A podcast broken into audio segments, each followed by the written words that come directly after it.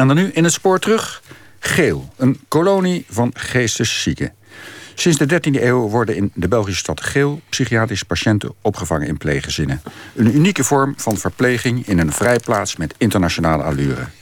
Hans Olink en Elma Zwart maakten daar de volgende documentaire over. Techniek, Berry Kamer. Vroeger waren het echt zottekes van geel. Hè? Pleegouders kregen nog een vergoeding. En, en ze hadden een, een, een hulp. Echt bij die boeren. Die hadden allemaal uh, ja. pleegkinderen, zouden we Twee, zeggen. drie ja. patiënten hadden Ja, ja, ja. ja. Geel, een stadje van ruim 35.000 inwoners in de Belgische Kempen, kent een eeuwenlange geschiedenis als het gaat om de opvang van geestelijk gestoorde patiënten. Het gevolg is dat de inwoners op straat niet opkijken van een patiënt meer of minder. De receptioniste van het hotel in de Hoofdstraat vindt de vraag heel gewoon. Ik vertelde haar dat we niet bekend waren in de stad, maar dat we graag een pleeggezin zouden ontmoeten. Ze begreep meteen wat ik bedoelde. Ja, een gezin met een zotte, met een patiënt als gast, lachte ze. Haar tante had een kostganger, zei ze. En ze belde haar meteen op. Even later geeft ze ons een briefje met naam en adres. U kunt vanavond om zes uur langskomen. Twee uur later zitten we aan de keukentafel met de pleegouders. De 45-jarige Lieve en de 64-jarige Jos. En hun kostgangster, die eveneens Lieve heet en 55 jaar oud is.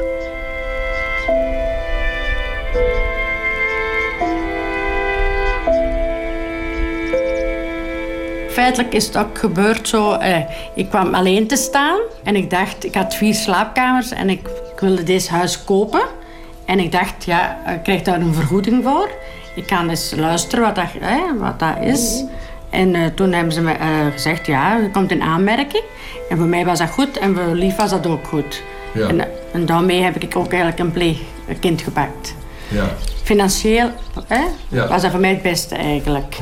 Ja. Maar niemand zegt dat. niemand zegt dat. Niemand zegt dat, dat, het, dat het gedaan wordt voor de financiële kant. Ja, ja. In feite, je krijgt een vergoeding.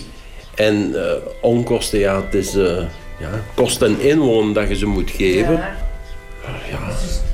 Eenmaal meer aan tafel. Ja, kom zeg, eh, Ja. dat lukt er nog, hè. Ja. En dat was in feite een, een, een, een- ja, laten we zeggen, een bijverdienste. Ja. Dat Lieve kon zeggen, ik, ik ga hem Die toch zien voor betaalde mijn huis te kopen. Ja, die betaalde mijn huis eigenlijk terug. Hè. De, huur, allee, de lening betaald, hè. daar heb Ja, ik ja, ja. 600 euro voor. En ik kwam wel, want toen woonde hij, mijn vriend nog niet bij mij. En daarmee heb ik dat gedaan.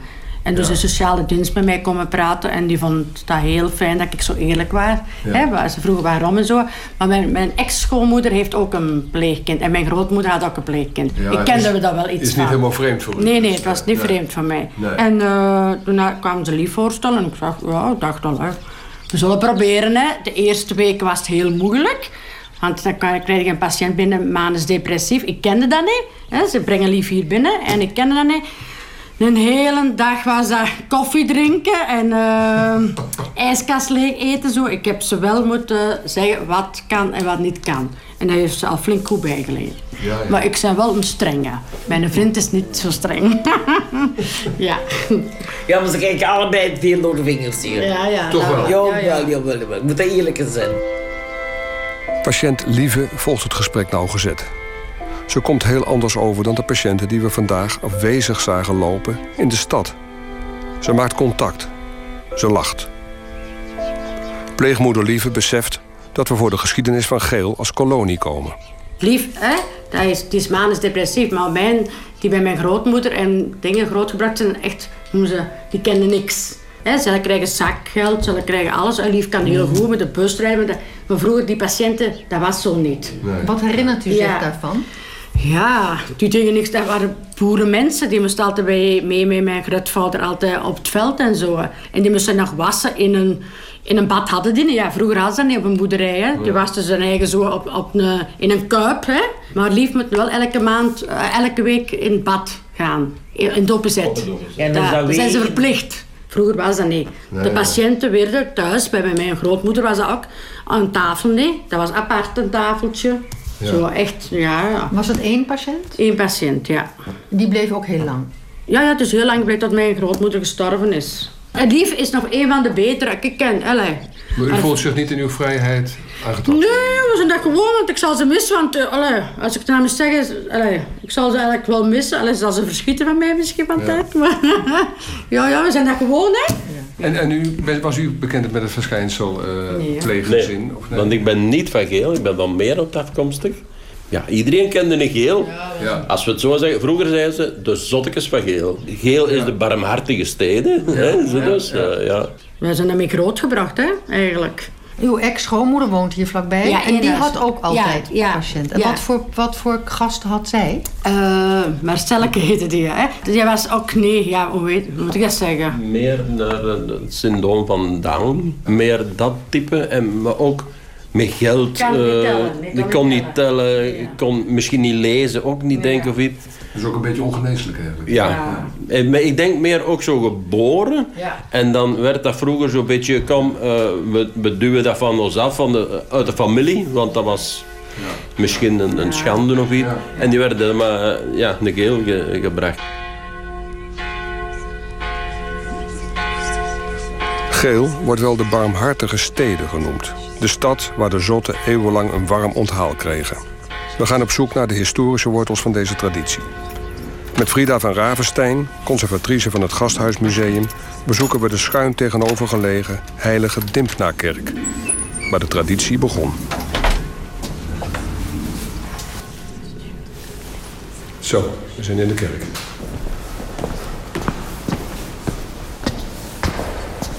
Het Indemnaretabel, zoals een stripverhaal avant la lettre, vertelt het eigenlijk eh, voor de gelovigen die niet onmiddellijk konden lezen of schrijven, toch het stichtelijk verhaal van die Geelse waanzinheilige. Dimna zou volgens de legende van Ierland afkomstig zijn. En eh, de tweede scène zie je heel duidelijk dat er een tweespalt in de familie ontstaan is. Je hebt eh, de moeder op het sterfbed, want volgens de legende zou de moeder tamelijk jong gestorven zijn, de koningin. En dan heb je daar die bebaarde met een tulband voorziene koningsfiguur, de Ierse koning. En tussen die beide echte lieden staat een klein zuiltje met een duivelsfiguurtje erop. Dat duivelsfiguurtje is hier nog tamelijk onschuldig van betekenis. Het is gewoon om aan te tonen dat die koning het heidendom trouw bleef... in tegenstelling tot de koningin die het christelijk geloof eh, aankleefde. En die er ook voor gezorgd had dat haar dochter Dimpna dus door Gerebernus, de hofpriester, gedo- gedoopt werd. Nu, op het moment dat het, eh, de koningin overleden is, is de koning zo buiten zichzelf van verdriet dat niks of niemand hem nog kan troosten. En zijn hovelingen raden hem aan dan een tweede huwelijk aan te gaan. Hij stemt daarmee in op één voorwaarde dat ze een tweede echtgenote vinden. Het is, klinkt bijna als een sprookje. Die even mooi en even verstandig is als de eerste. En het toeval wil dat niemand met de juiste gegadigde op de proppen kan komen. Tot de koning een oogje werpt op zijn eigen dochter. En dat zie je hier in de derde scène. En erge gelijkenissen met die eerste overleden echtgenote ziet. En hij besluit haar ten huwelijk te vragen. Wat die Dimpna, dat zie je aan de houding van haar hand, heel pertinent afwijst. Nu wat hier in die tweede scène, dat duivelsfiguurtje nog tamelijk onschuldig is, dat steken van heidendom, zal vanaf de derde scène die duivels een heel andere betekenis gaan krijgen.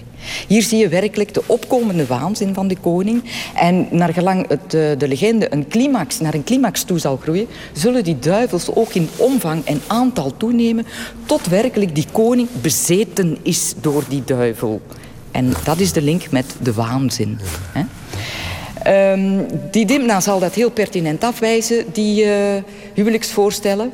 Ze gaat te raden bij haar biechtvader Gerebernus en ze besluiten per boot, in de vierde scène, per boot Ierland te verlaten. En het toeval wil uiteindelijk dat ze hier in geel arriveren.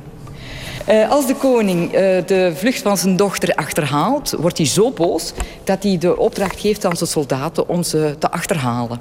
En na allerlei avonturen, onvrijwillig verraad en dergelijke, vinden ze dan Dimna hier op het Geelse grondgebied. En daar in die scène ziet u een van de boodschappers melden aan de koning dat ze Dimna gevonden hebben. Die koning die komt eh, achterna gereisd naar Geel en zou op de plaats waar nu het oude gasthuis is gebouwd, dus het huidige museum staat, voor de laatste maal zijn huwelijksvoorstel hebben geformuleerd. Maar ze blijft even halstarrig weigeren, die Dimna. En de koning wordt zo waanzinnig van woede dat hij uiteindelijk het zwaard in eigen hand neemt en zijn eigen dochter onthoofdt.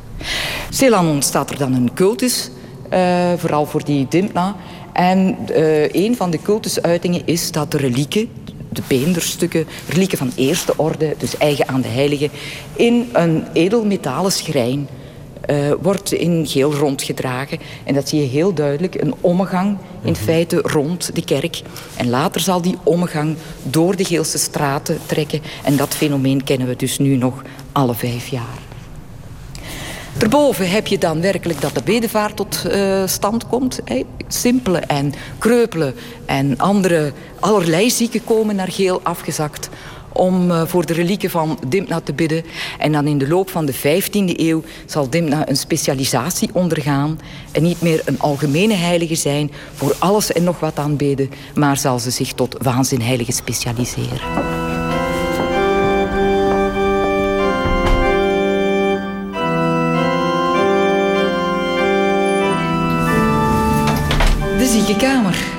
De eerste geesteszieken die naar Geel kwamen afgezakt om een bedevaart naar Sint-Nimna te doen, die werden opgevangen in de kerk. Maar dan vlug kwam het tot een spanning. Uh, is kerk een bedehuis of is kerk een opvangcentrum van die geesteszieken? En het eerste pleit zal het winnen. Kerk is een bedehuis. En dan moet de opvang van die geesteszieken die hier gedurende een noveen, dus negen dagen minimum moesten blijven, uh, anders, uh, ergens anders voorzien worden. En dan gaat men deze ziekenkamer aanbouwen. En het is gewoon, kijk, als ik hier het luikje open zet, dan heb je een idee. Als het nodig was, moesten ook agressieve geesteszieken ja, uh, tot kalmte kunnen gedwongen worden. En vandaar hier en daar in het gebouwtje dat celletje. Hier, met tralies. Met tralies, inderdaad. En hier in de ziekenkamer werden ze opgepast door twee lekendames. Die werden door de kanunniken van de Sint-Nipna-kerk uh, aangenomen, aangeworven van Sint-Jan tot Sint-Jan.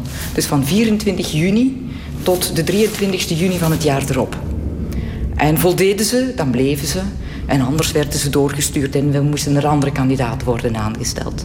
En die twee leken dames, die noemden ze wel ook vaak de kwezels van Geel. Die dames die waren verantwoordelijk voor uh, het oppassen hier in de ziekenkamer van die geesteszieken. Uh, dat ze ook regelmatig uh, voedsel kregen, van drank werden voorzien.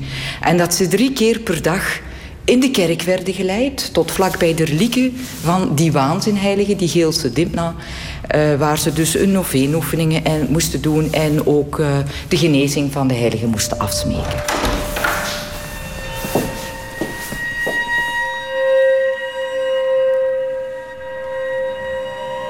Ik hoorde voor het eerst over Geel toen ik 15 jaar geleden een biografie schreef over de journalist en schrijver Nico Rost. Hij bezocht Geel in 1934 om een reportage te schrijven. Toen al was het stadje en zijn zotte een begrip in binnen- en buitenland. Rost was zich bewust van de uniciteit van het stadje... dat destijds zo'n 15.000 inwoners telde. Kunt gij u een stad voorstellen waar een bevolking woont... wier innigste wens het is twee zinnelozen in huis te hebben?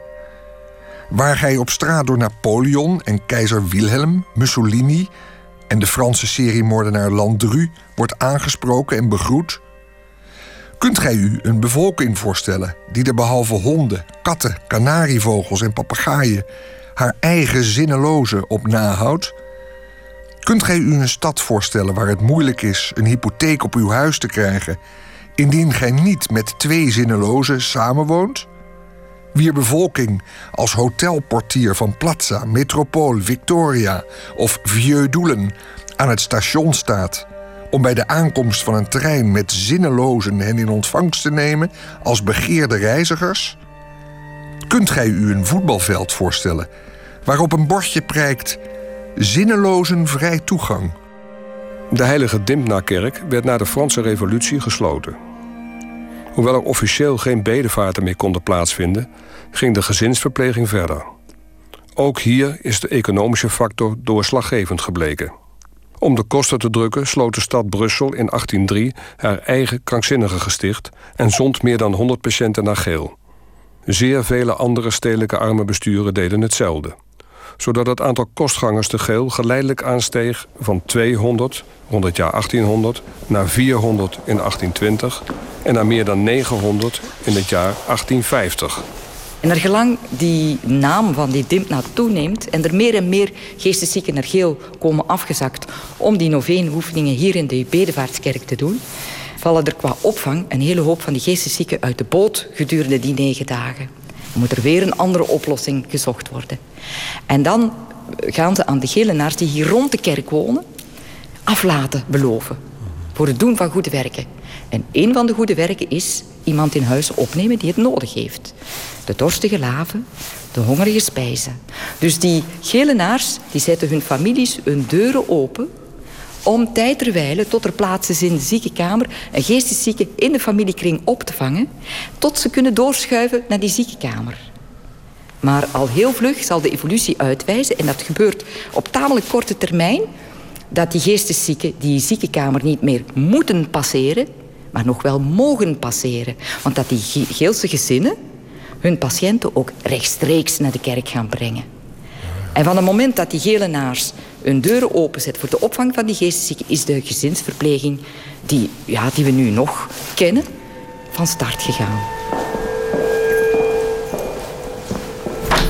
We verlaten de kerk, steken de straat over en keren terug naar het Gasthuismuseum, dat volgens Frida van Ravenstein in de gelukkige omstandigheid verkeert dat het nog beschikt over de vrijwel volledige inventaris en vrijwel alle archieven.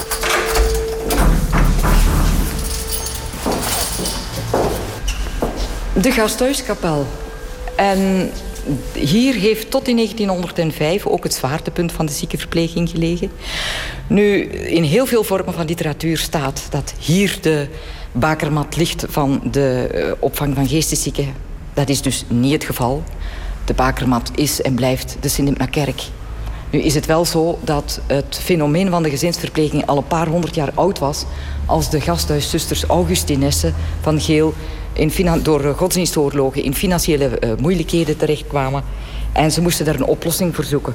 En dan hebben ze dat voorbeeld van die paar honderd jaar oud al gewoon overgenomen en nagevolgd. En ze zijn zich gaan richten tot uh, rijke, geesteszieke dames en juffrouwen... die maar aan één voorwaarde moesten voldoen... uit een rijk of een goed milieu komen... zodat die voor die moedrovers hier een fix kostgeld op tafel konden leggen. En dat is de redding geweest van het gasthuis. En uh, die huisjes hier rond die binnenkoer, die je door de raam zag... dat zijn de zogenaamde commensalenhuisjes. Van het Latijnse cum en mensa. Als je dat letterlijk vertaalt, is dat iemand die bij aan de maaltijd aanschuift. Van dezelfde tafel eet. En dat waren die betalende geesteszieke dames of juffrouwen. Ja. Dus hier lagen de gewone zieken... En afgescheiden van de anderen, want ze waren niet alleen een andere, van een andere klasse, rijker dus, maar ze waren ook anders ziek. Uh, maar toch in de directe nabijheid nog van hun verzorgsters, de zusters. Nu, we weten dat dit schilderij deze ruimte is. In feite moeten we hier een knik geven. Dat die bedden haaks op dat achtergedeelte komen staan. En hier een knik. En als dat de achtermuur van de kapel is daar, als we dan die kwartslag zo maken, heb je drie alkoven daar, drie alkoven hier en één losstaand bed moet in het midden gestaan hebben. En tot 1841 was dat de capaciteit van het Geelse gasthuis, dus zeven bedden. Ja. Was niet voldoende. En vandaar ook de noodzaak, en dat is de lange tijd geweest zo, uh, dat er meerdere patiënten in eenzelfde bed werden geduwd. En hier zie je een man geknield op de grond zitten met een zogenaamde zotskap op zijn hoofd. Dus in 1639 had je al volop de aanwezigheid van die simpelen uh, of die geesteszieken. En op dit schilderij zijn de patiënten zowel mannen als vrouwen? Ja. Voor de gewone zieken waren het, was het een dubbel publiek, dus mannelijk en vrouwelijk. En voor de geesteszieken waren het alleen bij voorkeur dames of priesters.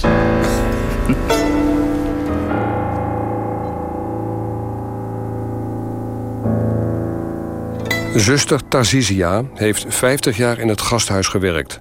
27 jaar in het ziekenhuis, 23 jaar in het mortuarium. Nu is ze 85 jaar oud en woont samen met andere zusters in een tehuis tegenover het gasthuis. Ze heeft honderden geesteszieken verpleegd. Maar de beste herinneringen heeft ze aan de mentaal gehandicapten die haar ouders in huis hadden. Bij ons thuis, als, kind, bij mijn ouders van 32, toen in het begin van dit jaar, is hij altijd ziek in de familie geweest. Eerst bij mijn ouders en dan bij mijn jongste broer. Maar mijn jongste broer is niet zelf ziek. Ja, en hij gaat dan niet meer. Uh, maar we hebben verschillen gehad. En uh, ja, we kregen gewoonlijk naar zwaar zieken. Dat ging heel goed. En, uh, want ene hebben 48 jaar gehad. 48 jaar in de familie gewoond. En hoe, hoe vond u het dat er altijd kostgangers, altijd patiënten bij uw ouders thuis waren? Dat, ging heel goed. Die zaten bij ons aan de tafel, lekker ze allemaal. Die kregen eten lekker als wij. Onze vader zei altijd, dat zijn mijn kostelijkste kinderen. Wat, wat voor ziektes hadden ze? Ja, dat, dat uh, verschilde van de een tot de andere. Waren het uh, zwakzinnigen? Ja. Of waren het psychiatrische patiënten? Psychiaters, psychiaterpatiënten. En uh, we hebben een heel, dat was een hele koude. En uh, ja, toen was s'avonds bij ons. In de, na de middag hadden ze het gebracht. En s'avonds gingen we eten. En er vloog zijn vader zijn keel. En zijn vader, mijn vader aan het eten. En uh, zijn vader pakte een paplepel en uh, sloeg. Gust zetten, ik zie dat je mijn baas kunt. Ik zal mezelf vuur, ik zal braaf zijn zetten. Ik zie dat je me de baas zetten. En we hebben nooit geen probleem mee gehad. Maar ze proberen, hè. Wat dat ze Mhm. kunnen, wat dat ze mogen, hè. hè dat is zo, hè. Hadden jullie vaak met agressieve patiënten te maken? We hebben er twee keer heel kwaad gehad. U bent verder ook nooit bang geweest? Ik ben nooit niet bang geweest van niemand, niet.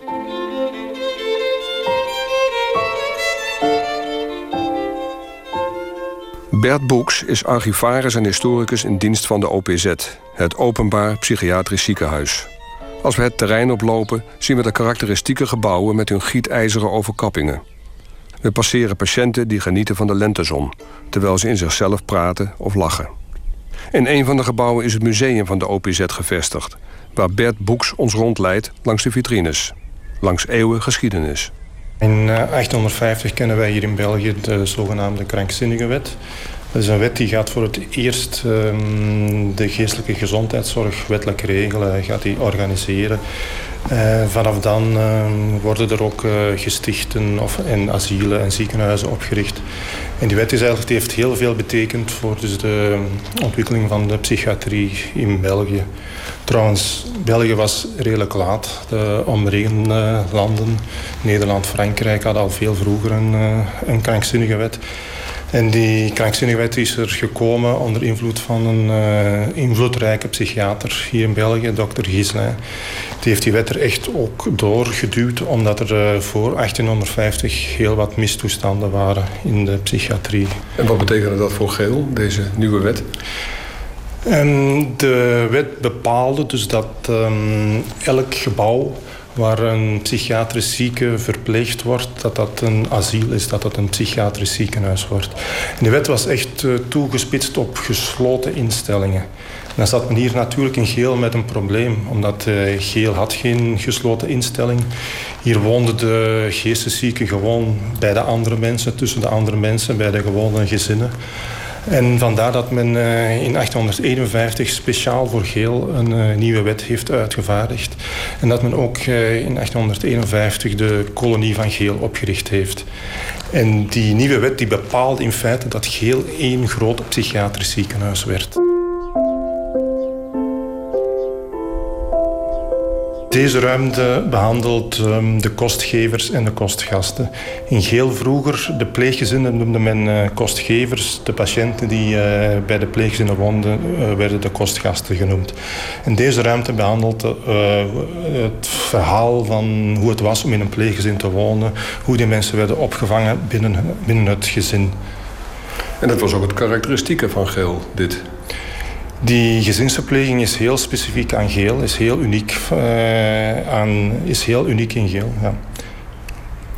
Um, omdat um, uh, elders uh, buiten geel en de rest van België en de rest van Vlaanderen, de rest van Europa worden of werden psychiatrische patiënten opgevangen in grote gestichten, grote ziekenhuizen, afgezonderd van de maatschappij, uh, onder toezicht van medisch personeel en dokters.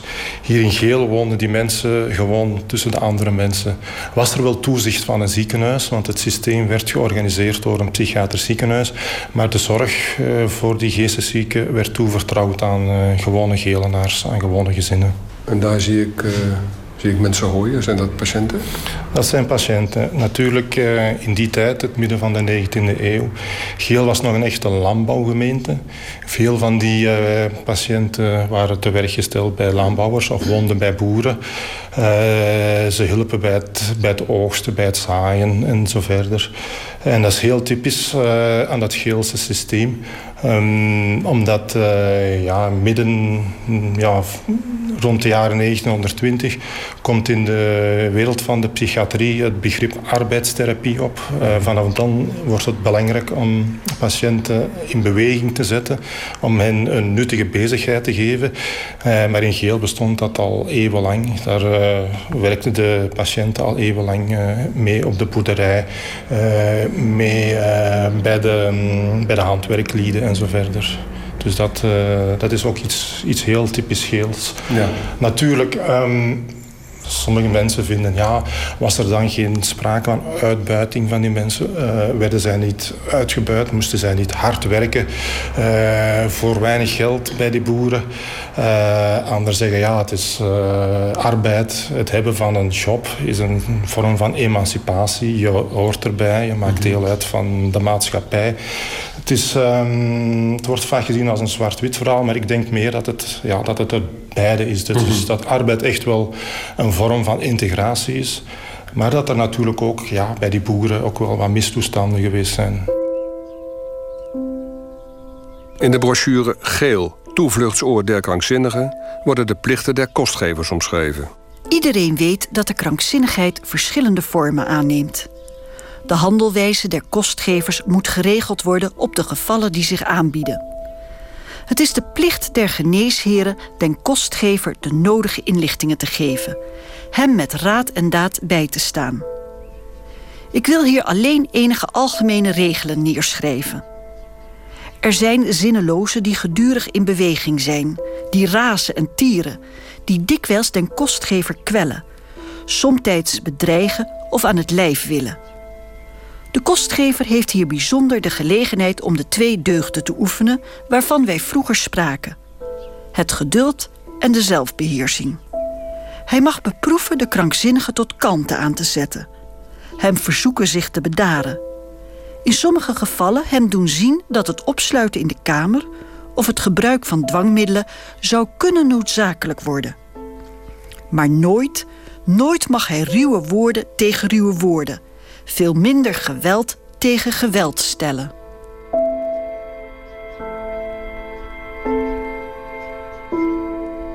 Wat u hier ziet, dat zijn uh, echte boeien of kettingen.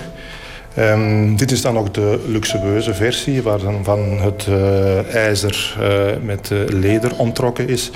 En die kettingen, die boeien, die werden nog gebruikt door de kostgevers, door de pleeggezinnen, oh om hun patiënt of de geesteszieke die bij hun woonde te ketenen als hij agressief was of als hij onhandelbaar was. Uh, dat gebeurde nog tot in 1850. Na 1850 uh, was dat strikt verboden. Dus mm. mochten uh, patiënten zeker niet meer gefixeerd worden door, door de kostgevers, door de pleeggezinnen. was het privilege of het voorrecht van de dokters. Zij konden nog wel patiënten in het ziekenhuis nemen, in een gesloten setting opvangen. Mm. Maar voor de pleeggezinnen was dat totaal uit een boze vanaf 1850. Dat ook, stond ook in, in die wet. En het is ook vanaf 1850 dus uh, dat er een soort um, selectieprocedure komt voor de pleeggezinnen. Niet iedereen kon zomaar pleeggezin worden. Je moest aan een aantal voorwaarden voldoen. Bijvoorbeeld ook naar architectuur toe. Je moest de ruimte hebben in je huis. Uh, er moest een kamer zijn voor die uh, patiënt, een slaapkamer. Die moest zoveel vierkante meter groot zijn. Er moest een raam in zijn, er moest een bed in zijn. Het was heel strikt omschreven wat er allemaal moest zijn. Dat staat allemaal in de brochure plichten der kostgevers, ja. neem ik aan. Ja. Ik heb ehm, gesproken met een uh, pleeggezin of met een uh, verpleegkundige en die vertelde mij dus dat, uh, dat er een, nog in de jaren 1950 hadden we hier een dokter, dokter Liekens. Ook een, ook een wijkgeneesheer. en dat, op een bepaald moment ging dokter Liekens op bezoek bij een pleeggezin. Dat was een, een boerenfamilie, ergens op de buiten. en hij komt op de boerderij binnen en hij vraagt aan de berin... Ja, mag ik uw patiënt eens zien? En uh, die berin uh, roept naar haar dochter... Uh, Marie, ga ons zot inhalen. Dokter Liekes heeft direct zijn spullen genomen, is naar het ziekenhuis teruggekomen, heeft de chauffeur gestuurd en die patiënt werd uit het, uh, uit het gezin gehaald. Omdat hij vond dat er op een uh, onrespectvolle manier werd ja. omgegaan met die patiënt. Het woord zot of zotin was ook uh, taboe hier in Geel. Het wordt niet gebruikt. hier in Geel spreekt men over een zieke. Uh, er is hier een gezegde dat, dat vrij frequent gebruikt uh, werd, was... Uh, hij is hier niet voor zijn zweetvoeten, zei men. Dus om maar een, een, een, eufemisme om te zeggen... ja, er is iets mis met hem, maar we weten niet, niet wat.